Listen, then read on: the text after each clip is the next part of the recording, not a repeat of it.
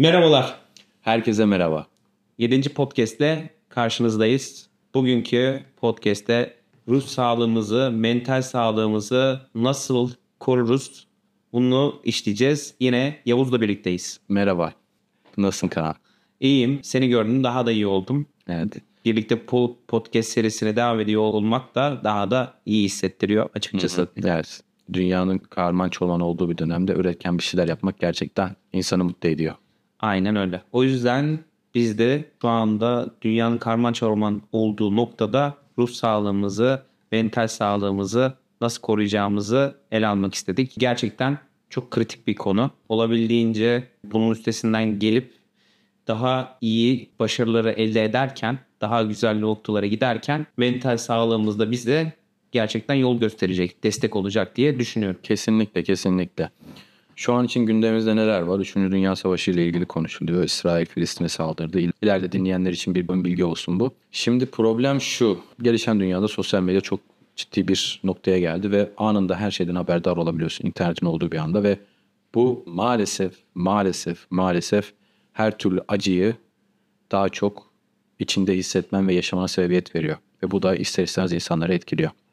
Evet maalesef belli coğrafyalarda insanlar diğerlerine nazaran daha da acı çekiyor. Zaten geçtiğimiz senede Rusya-Ukrayna savaşı vardı. Orada da ayrı bir şey vardı. Maalesef bu savaş ekonomisi bir türlü bitmedi. Esas konumuza gelirsek, başarılı sonuçta biz genel olarak podcastlerimizde kişisel gelişimle ilgili başarı noktasında daha başarılı bir insan olma noktasında farklı farklı yöntemlere değiniyoruz. Bu yöntemler içinde aslında en önemli konu olan psikoloji noktasına da değinmek istedik. Buna değinirken de belli teknik detaylar ve biz bununla ilgili neler yapıyoruz bunları konuşacağız. Özellikle sen kendi mental sağlığını korumak adına neler yapıyorsun? Önce bundan başla. Şimdi kendi mental sağlığımı korumak için neler yapıyorumdan farklı olarak öncelikle bir insanın kendi mentali nedir? İlk başta incelememiz gereken şey zihin yapımız nedir? Maalesef günümüzde insanlar birçok şeyi kendileri kontrol edebildiklerini düşünüyorlar maalesef. Aslında düşündüğün zaman hani vücudumuzdan girelim. Sen diyorsun ki ben nefes aldım. Evet. Nefesi almak için aslında bilinçli olarak akciğerlerini şişirip, diyaframını şişirip içeriye hava girmesini sağlıyorsun ama sonrasına karışmıyorsun. Sonrasında peki ne oluyor? O hava akciğere girdikten sonra akciğer onu oksijenini alıyor, kana aktarıyor. Kan kalbin de pompalamasıyla vücudundaki trilyonlarca hücreyi besliyor ve yaşamına devam etmeni sağlıyor. Sen bunu sadece diyorsun ben nefes almamı kontrol ediyorum Evet. diyorsun. Bu vücudumuzdaki birçok şey için geçerli. Uykuda başımıza gelenler, işte REM uykusu vesaire uyku siklüsünü eğer incelerseniz göreceksiniz. Beyin uykuda nasıl kendisini temizliyor. Sen diyorsun ki uyudum. Çok basite indirgiyoruz. Ya da biyolojiden çıkıp eğer fiziğe girerse eğer diyorsun ki telefonumu şarj ettim. Aslında yaptığın tek şey prize telefonunun şarj kablosunu takmak. Diğer taraftan da telefonuna şarj kablosunun diğer ucunu takmak. Aslında bunu düşündüğün zaman bir, kabloda problem çıkarsa o telefon şarj olmuyor. Prizde problem çıkarsa o telefon şarj olmuyor. Eğer elektrik santrali elektrik üretmezse o telefon şarj olmuyor. Eğer elektrik senin bulunduğun binaya gelmezse o telefon şarj olmuyor. Vesaire vesaire. Senin bulunduğun kata çıkmayabilir. Ama hani mesela aslında sen diyorsun ki telefonumu şarj ettim gibi çok basit bir şey söylüyorsun ama senin kontrolün dahilinde olmayan o kadar çok şey var ki. Aslında senin o kontrolün dahiline getirilene kadar birçok şey senin eline hazır verilmiş. Aynen öyle. Bu da aslında senin birçok şeyi kontrol edemediğini gösteriyor. Peki sen neyi kontrol edebiliyorsun? Asıl soru bu. Birçok şey kontrol edemiyoruz ama kontrol edebildiğimiz kadar şeyler var. Yani mesela özellikle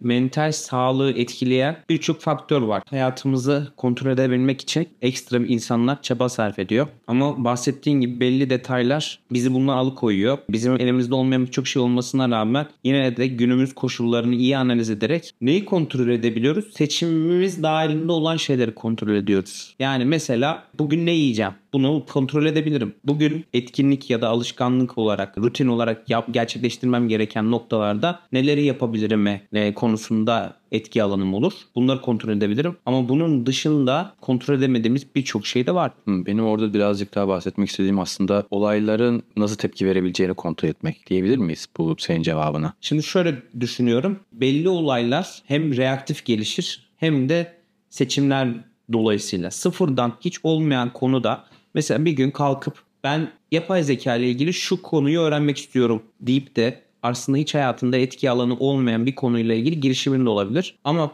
e, az önce bahsettiğim bağlamda mesela benim günlük rutin olarak dil öğrenme noktasında bir alışkanlık devamı da söz konusu olabilir. Buradaki işte ayrım aslında bu. Girişim noktasına mı bakıyoruz yoksa bunun rutine bağlanması noktasında mı? Bunları kontrol edebildiğimizi düşünüyorum. Sen ne düşünüyorsun? Ben bunu senin dediğini aslında farklı bir kelime grubuyla ifade ediyorum. E, aslında mentalitenin ve kafanın içindekileri kontrol edebildiğin tek şey aslında bu olduğunu düşünüyorum. Çünkü kafanı kontrol ettiğin zaman davranışlarını kontrol edebiliyorsun. Davranışlarını kontrol edebildiğin zaman senin dediğin noktada aksiyonlarını kontrol edebiliyorsun. Eğer kafanı kontrol edemezsen yani mentaliteni koruyup kendini bir yere doğru kanalize etmezsen hiçbir şey yapamıyorsun. Ve birçok insan açıkçası şu anki gündemi dinledikleri zaman da kitlenip kaldılar. Türkiye siyaseti mi yoksa savaş? Özellikle dünya siyasetine. Yani o detaylara birazdan geliriz ama neler yapacağımıza dair anladığım kadarıyla senin de güzel bir listen var. Oraya da değiniriz. Aslında insanlar olan olaylara çok tepkisel yaklaşıyorlar. Doğru.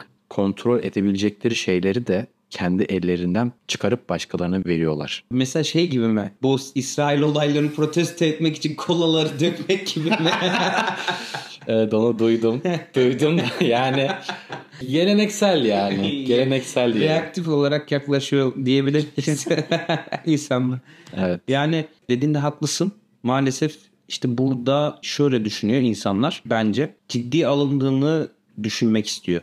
Ee, burada bir etki grubu olduğunu düşünelim. Biz özellikle hani siyaset bilimlerden pressure groups diye nitelendirdik hatırlarsan derslerden. Bu pressure groups'lar şey olabilir. Din din grupları olabilir, böyle parti grupları olabilir ya da daha böyle STK tarzında takılan gruplar olabilir. Bunların özellikle parçası olarak insanlar belli etki alanları, nüfuz alanları olsun diye düşünüyor. Ve özellikle de aynı ideolojik görüşlere sahip olan insanlar da genellikle benzer reaksiyonları verip bak aynı noktada mıyız mesajını vermeye çalışıyor. O yüzden de reaktif davranmak burada açıkçası çok da absürt gitmiyor. Çünkü insan sosyal bir varlık diye düşünüyorum. Aynen dediğin gibi elindeki kontrol edebileceği şeyleri gidip başkalarına bahsettiğin gruplara veriyorlar. Ama insan aslında sadece olan olaylara verebildiği tepkileri kontrol edebiliyor. Örnek veriyorum eğer sen şu gün baktığın zaman ekmek derdindesin çalışma derdindesin ama bir taraftan örnek veriyorum İsrail'e müdahale etmeye çalışıyorsun. Sen sıradan bir vatandaş olarak İsrail'e nasıl müdahale ya da Hamas'a müdahale etmeye çalışıyorsun. Hamas şöyle yapmasaydı İsrail'dekileri şöyle kaçırdı böyle kaçırdı. Ya sen Hamas'a da müdahale edemiyorsun. İsrail'de müdahale edemiyorsun. E, olayın neresindesin? Niye takip ediyorsun?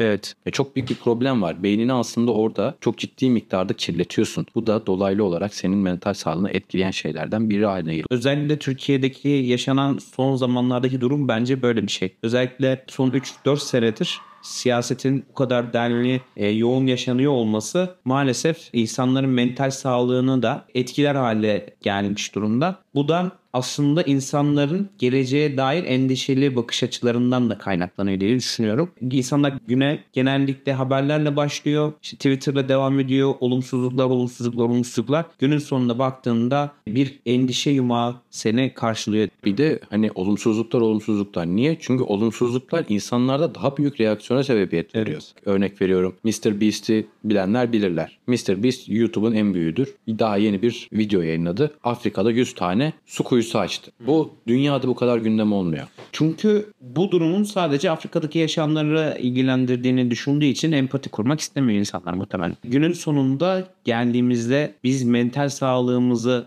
dinç tutmak adına özellikle negatif bizi geleceğe dair endişeye sürükleyecek şeylerden uzak durmalıyız. Evet. Bu iki kere iki dört gibi bir şey. Çünkü tabii ki ilginç haberleri de izleyebiliriz, okuyabiliriz vesaire. Onlar ayrı bir şey. Burada siyasi durumların genel bilgilendirilmesine de bakılabilir. Ama burada işin içerisinde çok dramaya kaçtığı zaman gerçekten hayatta senin yapacağın şeylerden alıkoyma noktasına gidiyor. Aslında az önce bahsettiğim grupların da hedefledikleri de bu genellikle. Seni olabildiğince fonksiyonlarını düşürüp burada sana endişe yaratıp kendileri bir kitle oluşturma ve o kitleyi de hareket ettirme noktasına bakıyorlar. Ya bir noktada böyle bir problem var. Şimdi eğer sen bedava olan haberler vasıtasıyla edindiğin bilgiye bu kadar muhatap oluyorsan elinde yönetebileceğin attention ekonomiden bahsediyoruz. Yani günümüze baktığınız zaman bir parantez açma ihtiyacı hissettim bu noktada. Bir attention ekonomiden bahsediyoruz. Yani dikkat ekonomisinden bahsediyoruz.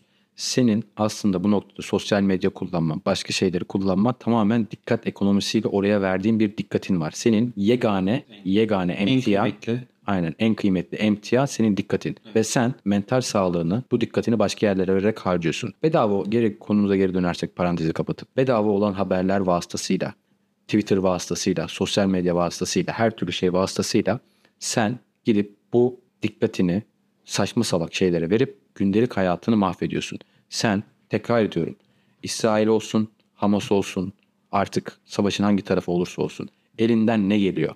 Hiçbir şey. Evet. Bir de orada maalesef insanların bunu kötüye kullanması da söz konusu. Mesela kamuoyu oluşturup işte yok e, askerleri gönderelim şöyle yapalım. Bunu diyecek insanlar da ironiktir ki asla kendisi gitmeyecek ve çocuklarını asla göndermeyecek insanlardır. O yüzden olumsuz haberlerin üzerimizde yarattığı etkiyi iyi düşünmek gerekiyor. iyi analiz etmek gerekiyor. Bunu kitlesel olarak yapmak çok zor.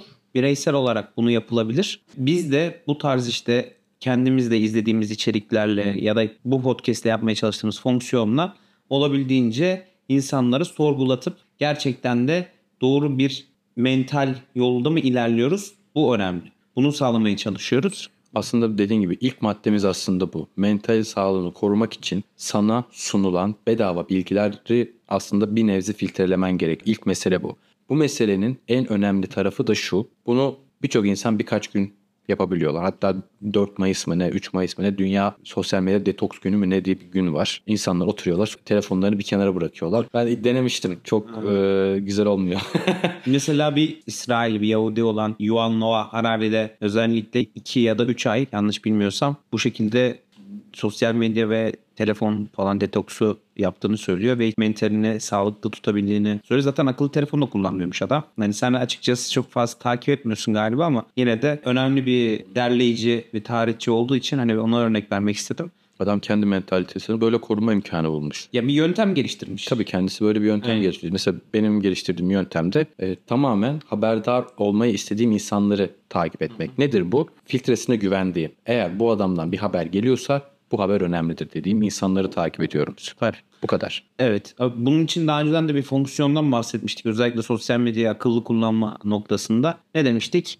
Doğru kişiyi doğru zamanda doğru yerde takip etmek. Özellikle ne yapacağız? Belli sessize alma fonksiyonları olsun. İşte belli konuları bastırma olsun ve senin TikTok'ta bahsettiğin gibi bu belki de algoritmayı bile iyileştirme noktasında ona feedback vereceğiz. Ona göre yönlendireceğiz. Tabii bunun detaylarını önceki podcast'imizde bulabilirsiniz. bulabilirler. Bunun gibi şeyler kritik yani. Çünkü sosyal medya kullanmayın diyemeyiz. Zaten bunu dinlediğiniz platform da bir sosyal medya hani baktığınızda. Ama olabildiğince akıllıca kullanabilmek ve kendi çıkarımız adına kullanabilmek en kritik nokta diye düşünüyorum. Tabii kesinlikle yani orada kendimizin kullandığı detaylara bahsetmiştik. Burada ekstradan bir katman eklemek gerekirse en önemli katman da bunun disiplinli bir şekilde yapılmış olması gerekiyor. Evet. Yani bugün takip etmedin, yarın takip etmedin, üçüncü gün takip edersen Zinciri bozarsın. işler zıvanadan çıkıyor. Gerçekten zıvanadan çıkıyor. Mahvolup gidiyorsun, tepe taklak gidiyorsun, oraya gidiyorsun, buraya gidiyorsun. İşte çalışamıyorsun, para kazanma sürecin, aile sürecin, çocuğun varsa çocuğun sürecin, her neyse arkadaş sürecin. Hepsi bir şekilde bunlar etkilenip odağını kaybettiğin zaman, dikkatini yanlış yere verdiğin zaman istemsiz sonuçlar oluyor. O yüzden o üst katman olan disiplini de e, Atomic Habit kitabında da olduğu gibi bu alışkanlığı sürdürebilecek bir ortam oluşturmak gerekiyor. Kesinlikle ağzına sağlık güzel söyledi. Şimdi ben özellikle mental sağlığı korumak anlamında olumlu alışkanlıklar geliştirme konusuna da değinmek istiyorum. Çünkü hepimizin belli alışkanlıkları var. Genellikle alışkanlıklar üzerine kurulu bir sosyal yapıdır. O yüzden de bu sosyal yapının en verimli haliyle ortaya çıkmasını hedefliyoruz. Ne gibi alışkanlıklar olabileceğini mesela bir konuşalım istiyorum. Tabii. Mesela bizim de kendi hayatımıza uyguladığımız yani biz burada genel olarak teorikten de ziyade pratik noktasına bakıyoruz. Evet te- işin te- bir teorisi var, bir altyapısı var. Bunu bilimsel olarak bakan insanlar da var. Bunun araştırmalarını da yapan insanlar var. Ama bunu hayatına uygulayabiliyor musun? Uygulanabilirlik noktasında nasıl diye bakıyoruz. Biz de işte kendi yaşantımızda özellikle egzersiz. Mesela işte egzersizi ihmal etmemek. Bu çünkü beden sağlığı da işin en temeli diye düşünüyorum. Düzenli egzersizle bağlantılı olarak mesela yediğin içtiğin işte beslenme şeklin gibi konular da burada kıymetli. Bunları ikisini bir tutuyorum açıkçası. Çünkü İkisi de vücudun fiziksel sağlığını etkileyecek konular olduğundan ötürü fiziksel sağlığa bakarken olabildiğince. Çünkü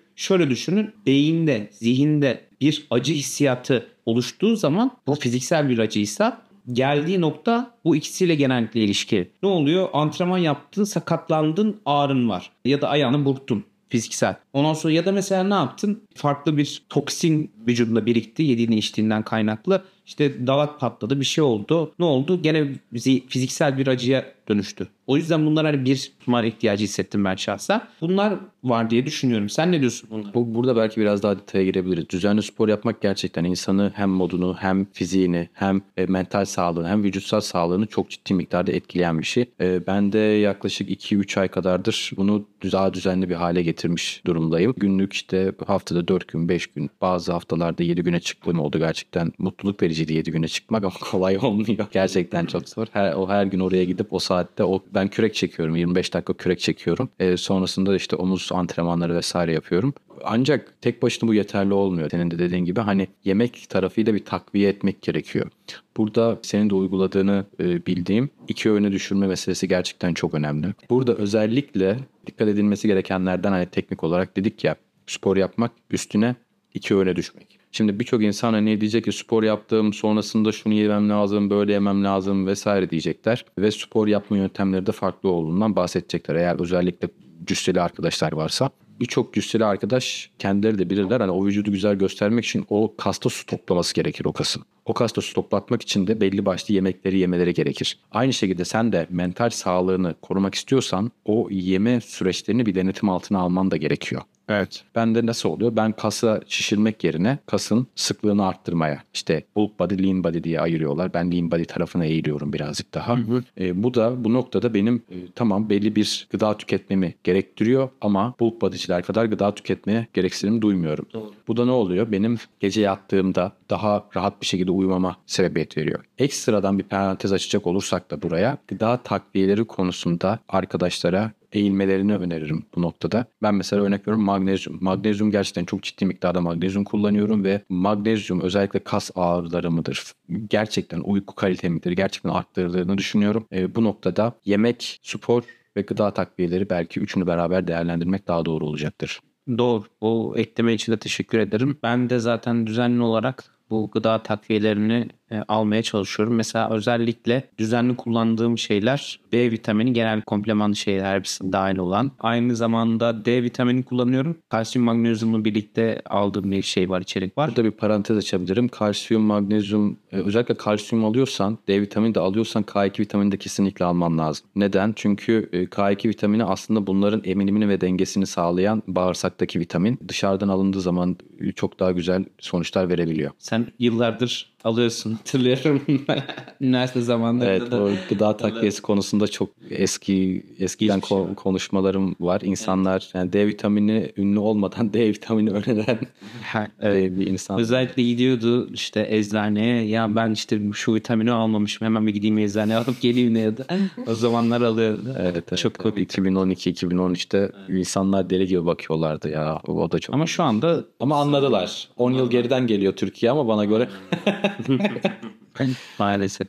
Çünkü bizde böyle şeyler çok öncelik değil. Yani bu işte gene Maslow'un piramidine geçersek orada biz aslında temel noktalarda bazı sorunlar yaşadığımız için toplumsal olarak burada ne yazık ki daha kompleks yapılar mesela besin destek ürünleri vesaire çok pahalı olmasa da yine de daha lüksmüş gibi görünüyor. O yüzden de insanlar ya aman zaten işte hani buna gerek yok gibi küçümseyebiliyor. O yüzden bunları öyle düşünmemek gerekiyor. Ama bence şimdi gene fiziksel bir eylem olup da aslında mentali etkileyen bir konuya da değinmek istiyorum. Aslında kaliteli uyku da çok önemli. Kaliteli uyku genellikle göreceli gibi görünse de belli detayları var. E ben hani işin bilimine çok hakim değilim açıkçası ama milyoner insanların alışkanlıklarına baktığın zaman da az uyuyan da çok insan var. Ben özellikle bunu dikkat ettim bakıyorum. 4 saat 6 saat bandında uyuyan insanlar da var. Mesela Elon Musk da 4 saat falan uyuduğunu hatırlıyorum. Ama mesela Bill Gates falan gibi insanların da 7-8 saat uyuduğunu şey yapıyor ama tabii uyku saatleri yani burada hangi hormon çıkıyor işte hangi hormon devreye giriyor gibi böyle farklı farklı detaylar var. Son zamanlarda duyduğum konu gece 11-12'de uyumak genellikle insanların melatonin hormonlarını hani aktive ettiğinden ötürü tavsiye ediliyor. Yani o yüzden de aslında çok geç yatmak seni ister istemez biraz depresyona itiyor gibi birçok insan konuşuyor. Ama yine genel olarak ben ne yapıyorum? 6,5-7 saat en azından kendi adıma. Şöyle o zaman öyle bir detay vereyim ben de. E, o bahsedilen saat melatoninin pik yaptığı saat. Ve e, sen o saatte uyumadığın zaman melatonin düzeyin gerçekten çok ciddi miktarda sallantıya giriyor. Ve iki civarı da melatonin eğer o civarda salgılayıp uyuyamadıysan iki gibi de bu melatonin gidiyor. Bu noktada bana güzel bir detay hatırlattın. Uygulamaya başladığım kaç ay oldu bilmiyorum. 2-3 ay gene olmuş olabilir. Arkadaşlara daha detaylı bilgi vermek gerekirse ekrandaki mavi ışığı egale eden program var. Evet o zaman biraz daha detaya gireyim. Hani bu melatonin meselesini girmen bunu hatırlattı. Bana onunla ilgili biraz daha detay vereyim. Tabii mavi ışık insan sarkadyan ritminde çok ciddi bozulmalara sebebiyet veriyor. O yüzden üçüncü bir uyku konusunda değerlendirmek için güzel bir yöntem. iPhone'unuz varsa, Android'iniz varsa kolaylıkla bulabileceğiniz. Ben kendi bilgisayarımı da yükledim. Kendi bilgisayarımda da güneşin doğuşuna ve batışına göre kırmızı ışık hali alıp mavi ışığı soğuran programlar var. Uzun süredir bunları kullanıyorum ve bu gerçekten uyku kalitemi çok ciddi arttırdı. Bu kadar olacağını düşünmüyordum. Ve bazen yanlışlıkla kapattığım zaman gözlerim yanıyor. gerçekten geceleyin 9'da 8'de eğer alıştıktan sonra açtığım zaman o filtreyi kaldırdığım zaman gerçekten dopamin seviyem fırlıyor. Ben buna nasıl dayanmışım uzun yıllar, nasıl Benim, kullanmışım şaşırıyorum yani. Ben de en azından iPhone bu özelliği 6 sene falan oldu herhalde ya. 5 ya da 6 senedir getirdi. O zamandan beri kullanıyorum yani. Bayağı şey etkili olduğunu düşünüyoruz. Gerçekten mavi ekran işi yani şu anda genel olarak ekranların bizim hayatımıza yansıtmış olduğu çok büyük bir etki var. Yani kesinlikle iPhone konusunda kesinlikle haklısın. İlk geldiğinde ben de birazcık denedim ya bununla mı uğraşacağım deyip kapatmıştım. Şimdi full geçtim. Hem iPhone'unda hem bilgisayarında. Birçok arkadaş bilgisayarında geçmiyorlar. Sadece iPhone'da dönüyor. Sen bilgisayarda kullanıyor musun? Kullanıyorum. Bende de işte saat 11'de ayarlı. 11 ya da 11.30 yanlış olmasa şimdi devreye giriyor. Ondan sonra işte sabah 7'ye kadar falan şey yapıyorum. Ama benim için şöyle bir dezavantaj var. Ben şimdi fotoğrafçılıkla da uğraştığım için, video editlemeyle de uğraştığım için orada maalesef editleme yaparken ne yazık ki o şeyde yapamıyorum. Çünkü doğru renk baremini almak adına Buna dikkat etmem gerekiyor. O saatlerde özellikle kapatmak durumunda kalıyorum. Gece çalışırsam özellikle. Böyle hmm. bir dezavantaj var. Ya dediğin gibi hani ben bilgisayarda kullandığını bilmiyordum. Tebrik ederim seni de bu noktada. Ben biraz daha hardcore gidiyorum. Güneş doğar doğmaz fire vermeden devam etmeye çalışıyorum bu noktada. Hı hı. Bazı ender durumlarda senin bahsettiğin bazı ender birkaç durum oldu. Bu birkaç ay, 2-3 aylık süre zarfında sadece onları e, yapmadım. Üçüncü maddemizde o zaman uyku meselesi var. Uyku meselesiyle ilgili de ekstra verebileceğim bir mesele siesta meselesi. O evet ben de açıkçası siestayı seviyorum. İşim de buna uygun, yatkın ama tabii ki her zaman mümkün değil. Özellikle yoğun çalışan iş gruplarında çok mümkün olmuyor ama evden çalışıyorsan şöyle bir yarım saat bir uyku kestirmesi çok iyi. Ya kesinlikle benim de hayalimdeki gün öğlen uykusuyla beraber geçen bir gün ama maalesef ben uygulayamıyorum. O yüzden kahveye abanıyorum. kahve bana iyi geliyor ya. O yüzden ben de kahve.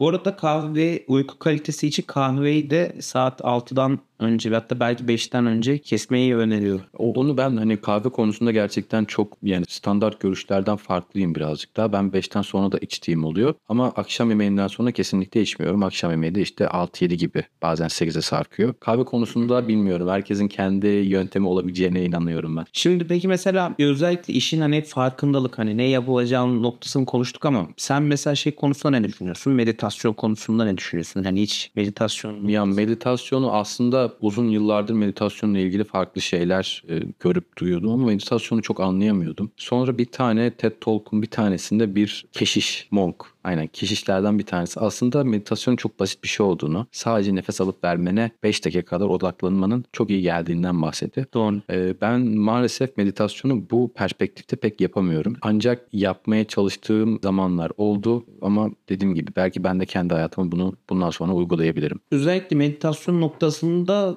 net bir yöntem yok farklı farklı metodlar var. İnsanlar özellikle bunun dediğin gibi nefes egzersizleri ve zihnini boşaltma noktasında bakıyor. Bu da aslında mental sağlık korumak anlamında önemli diye düşünüyorum. Ben de zaman zaman yaptım bu teknikleri ve özellikle stresle başa çıkmak anlamında çok önemli bir ilaç. Aa, çok güzel bir şey hatırlattın. Stresle başa çıkmakla ilgili bir nefes tekniği vardı. Teknik aynen şu. Derin bir nefes alıyorsun. Bir fırt daha çekiyorsun. Hemen örnek verelim. Sigara değil nefes olarak. Yani örnek veriyorum. Nefes alıyorum.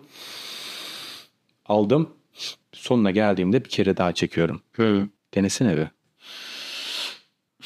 Yani bu nefes tekniğini ben e, açıkçası stres e, zamanı olduğu zaman, odaklanamadığım zaman, kafam çok dağıldığı zaman kullanıyorum. E, Gerçekten kafamı toparlamamda ve kalp atışlarımı sakinleştirmemde gerçekten çok faydası oluyor. Bu da başka bir meditasyon tarafında belki bir tüyo olabilir arkadaşlar için. Yakın zamanda Disney Plus'tan bir tane dizi izledim. Bunda Chris Hemsworth'ın Limitless diye bir tane dizisi. Orada farklı farklı konuların özellikle stresle baş etmenin ilk konuda bu. Ele alındığı böyle bir sürü farklı konu var. Chris Hemsworth burada gidiyor. Bir sürü stres testine giriyor. Tehlikeli adlandırılabilecek bir sürü spor yapıyor. Dalıyor, atlıyor, zıplıyor. Yani her şeyi yapıyor. Burada verilen en önemli metodlardan bir tanesi de az önce bahsedilen nefes tekniklerine dairdi. Kutu nefes şeklinde. Her 5 saniyede bir 20 saniyede toplamda nefes alma yöntemi var. 5 saniye alıyorsun sonra veriyorsun 5 saniye. Sonra bir daha 5 saniye alıyorsun. Sonra bir daha veriyorsun gibisinden 4 kez bunu sirkülasyon yapıyorsun. Burada amaç kalbin ritmini düzenlemek, nefes ritmini düzenlemek. Bu ritimle birlikte mental olarak da rahatlama sağlamak. Çünkü oradaki amaç, o dizideki bahsedilen nokta çok tehlikeli gözüken birçok aksiyonun içerisine girip sözlerle, düşünceyle beyne nasıl manipülasyon yapılabileceğiniz ve sakin kalabilmeyi nasıl başarabileceğine dair çok güzel anekdotlar var. Herkese de izlemesini tavsiye ediyorum. Sana da tavsiye ediyorum. Ben açıkçası merakımı uyandırmıştı. Ancak izlemediğim için genel olarak hayat akışı hızlı geçtiği için bir şeyler izlemeye fırsatım olmuyor. O yüzden izlememiştim. Ama senden özeti dinlemek isterim yani. Evet. Ben de özellikle son zamanlarda çok bir şey izlemeye vaktim olmuyor. Gerçekten hani hayat koşturmacasında buna çok fazla fırsat olmuyor ama yine de bu da bir yöntem aslında. Yani kaliteli içerik olarak gördüğümüz şeyler eğer bizi bilgilendirme amacı güdüyorsa bunları izlemek de belki rahatlama noktasında bir araç şeklinde düşünülebilir. Tabii meditasyon konusunda şu an bu kadar şey çıkacağını düşünmüyordum açıkçası. evet, evet.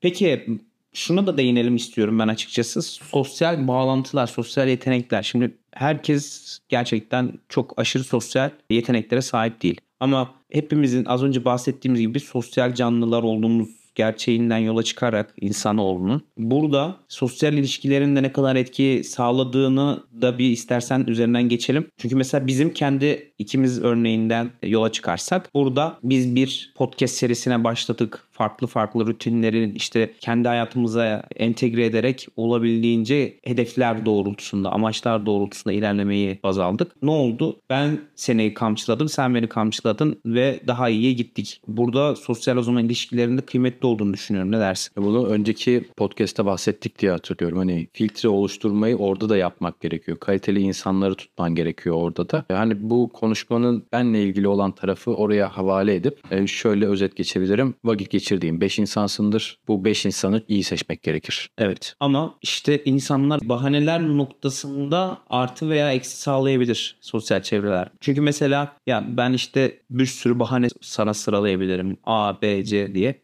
Sen de ay kardeşim biz olabildiğince hedeflerini gerçekleştirmek isteyen insanlarız. Bunun için rutinimizi bozmayacağız, düzenimizi bozmayacağız, çabalamaya devam edeceğiz diye o insan düşmeye yüz tutarken o insanın elinden tutabiliriz. İşte o 5 adamı, 5 insanı, 5 kadını artık kim olacaksa e, güzel seçmek gerekiyor orada. Aynen. O yüzden sosyal çevremizde kesinlikle önemli. Bunu değiştirmeye de eğer değiştirmek istiyorsak da eksik olduğunu düşünüyorsak da bugünden başlamak gerekiyor. Çünkü ya bakarız, bakarız. Bizim genellikle insanımızın şu anda en çok kullandığı cümlelerden bir tanesi bu. Bakarız hallederiz. Yani bu değil. Anlık olarak yapacağız. Çünkü ertelemeler vesaire bunlar hayatımızı hep kötüye götüren kötü bir alışkanlık maalesef. O yüzden de dostlarınızı da iyi seçin diye burada söylemek istiyoruz. Ben açıkçası son bir alışkanlıktan daha bahsetmek istiyorum. Mesela şöyle söyleyeyim. Bu direkt olarak bir tanımı olan bir şey değil ama yine de bu şekilde söylemek istiyorum. Belki meditasyon gibi buradan da bir şeyler çıkar. Evet çıkabilir. Ne ne gelecek? Şimdi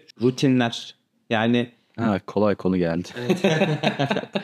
Daha önceden yine konuştuk bunu da ama daha önceden konuşmuş olmamız mental anlamında konuşmak çok önemli. Şöyle düşünüyorum. Bir insanın pozitif anlamda alışkanlıkları belli rutin haline gelip de onlarda olabildiğince feragat etmemek, taviz vermemek Hı hı. bence mental yapısını en güçlü tutan şeyler olacaktır diye düşünüyorum. Çünkü atıyorum İsrail Savaşı çıktı. Atıyorum Rusya'da Ukrayna bilmem ne. Hani eğer hayatınızın tehlike altında olacağı bir koşul yoksa en azından geçici anlamda bunlara kafa yorup da işte krizi siz çözemeyeceğinize göre tek başınıza burada yaptığımız rutinlere odaklanıp bunları çok fazla düşünmeden bunlara çok fazla kafa yorup da hayatımızı olumsuza itmeden bunlara daha çok dayanmak önemli diye düşünüyorum. Gününü planlayıp günlük rutinler belirleyip bunlardan devam etmek. Evet, evet. Değil mi? Evet. Bu çok önemli. Yani aklıma şu an ekstradan şöyle bir şey geldi. Hatırlar mısın bir ara şey geçiyordu. İşte karar ver, verme sayısını gün içerisinde azaltmak için Mark Zuckerberg işte hep aynı tişörtü giyiyor gibi. Aslında o perspektiften baktığın zaman eğer iradenin bir kas olduğunu düşündüğün zaman ve bu kasın gün içerisinde karar vererek yorulduğunu varsayarsan senin en büyük yardımcın rutinlerin olur.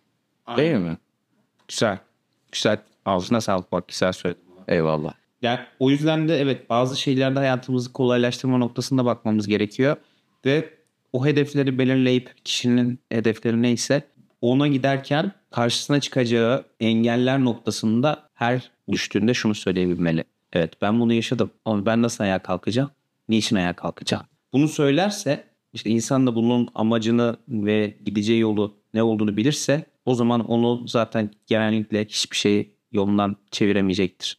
Ama ben şu anda maalesef çevremdeki dostlarıma bile olabildiğince destek sağlamaya çalışıyorum ama onlarda bile şunu görüyorum. Sürekli çalkantılı hayatlar ve nereye gideceğini bilmeyen, her gün farklı trendlerin peşinde koşan ama günün sonunda nereye varmak istediğinden de emin olamayan insanlar görüyorum. Bizde de bazen kafa karışıklıkları olabilir ama çözmek için en azından bu iradeyi koymak önemli diye düşünüyorum nasıl bir yaşam yaşamak istediğimiz ve nasıl bir hayat istediğimiz konunun en başına dönersek bizim elimizde. Disipline geri geliyor. Aynen disipline geri geliyoruz. O disiplinle inşa ederek en azından kontrol edebildiğimiz dünyanın bir parçasını bu şekilde iyi götürebiliriz. Beynimizin içerisinde verdiğimiz aksiyonlar, verdiğimiz kararlar bu mental yapının düştüğü noktada tekrardan ayağa kalkmak için en önemli araç. Ee, bir küçük bir özet geçmek gerekirse ilk başlarda beynimize giren bilgileri filtrelemeyi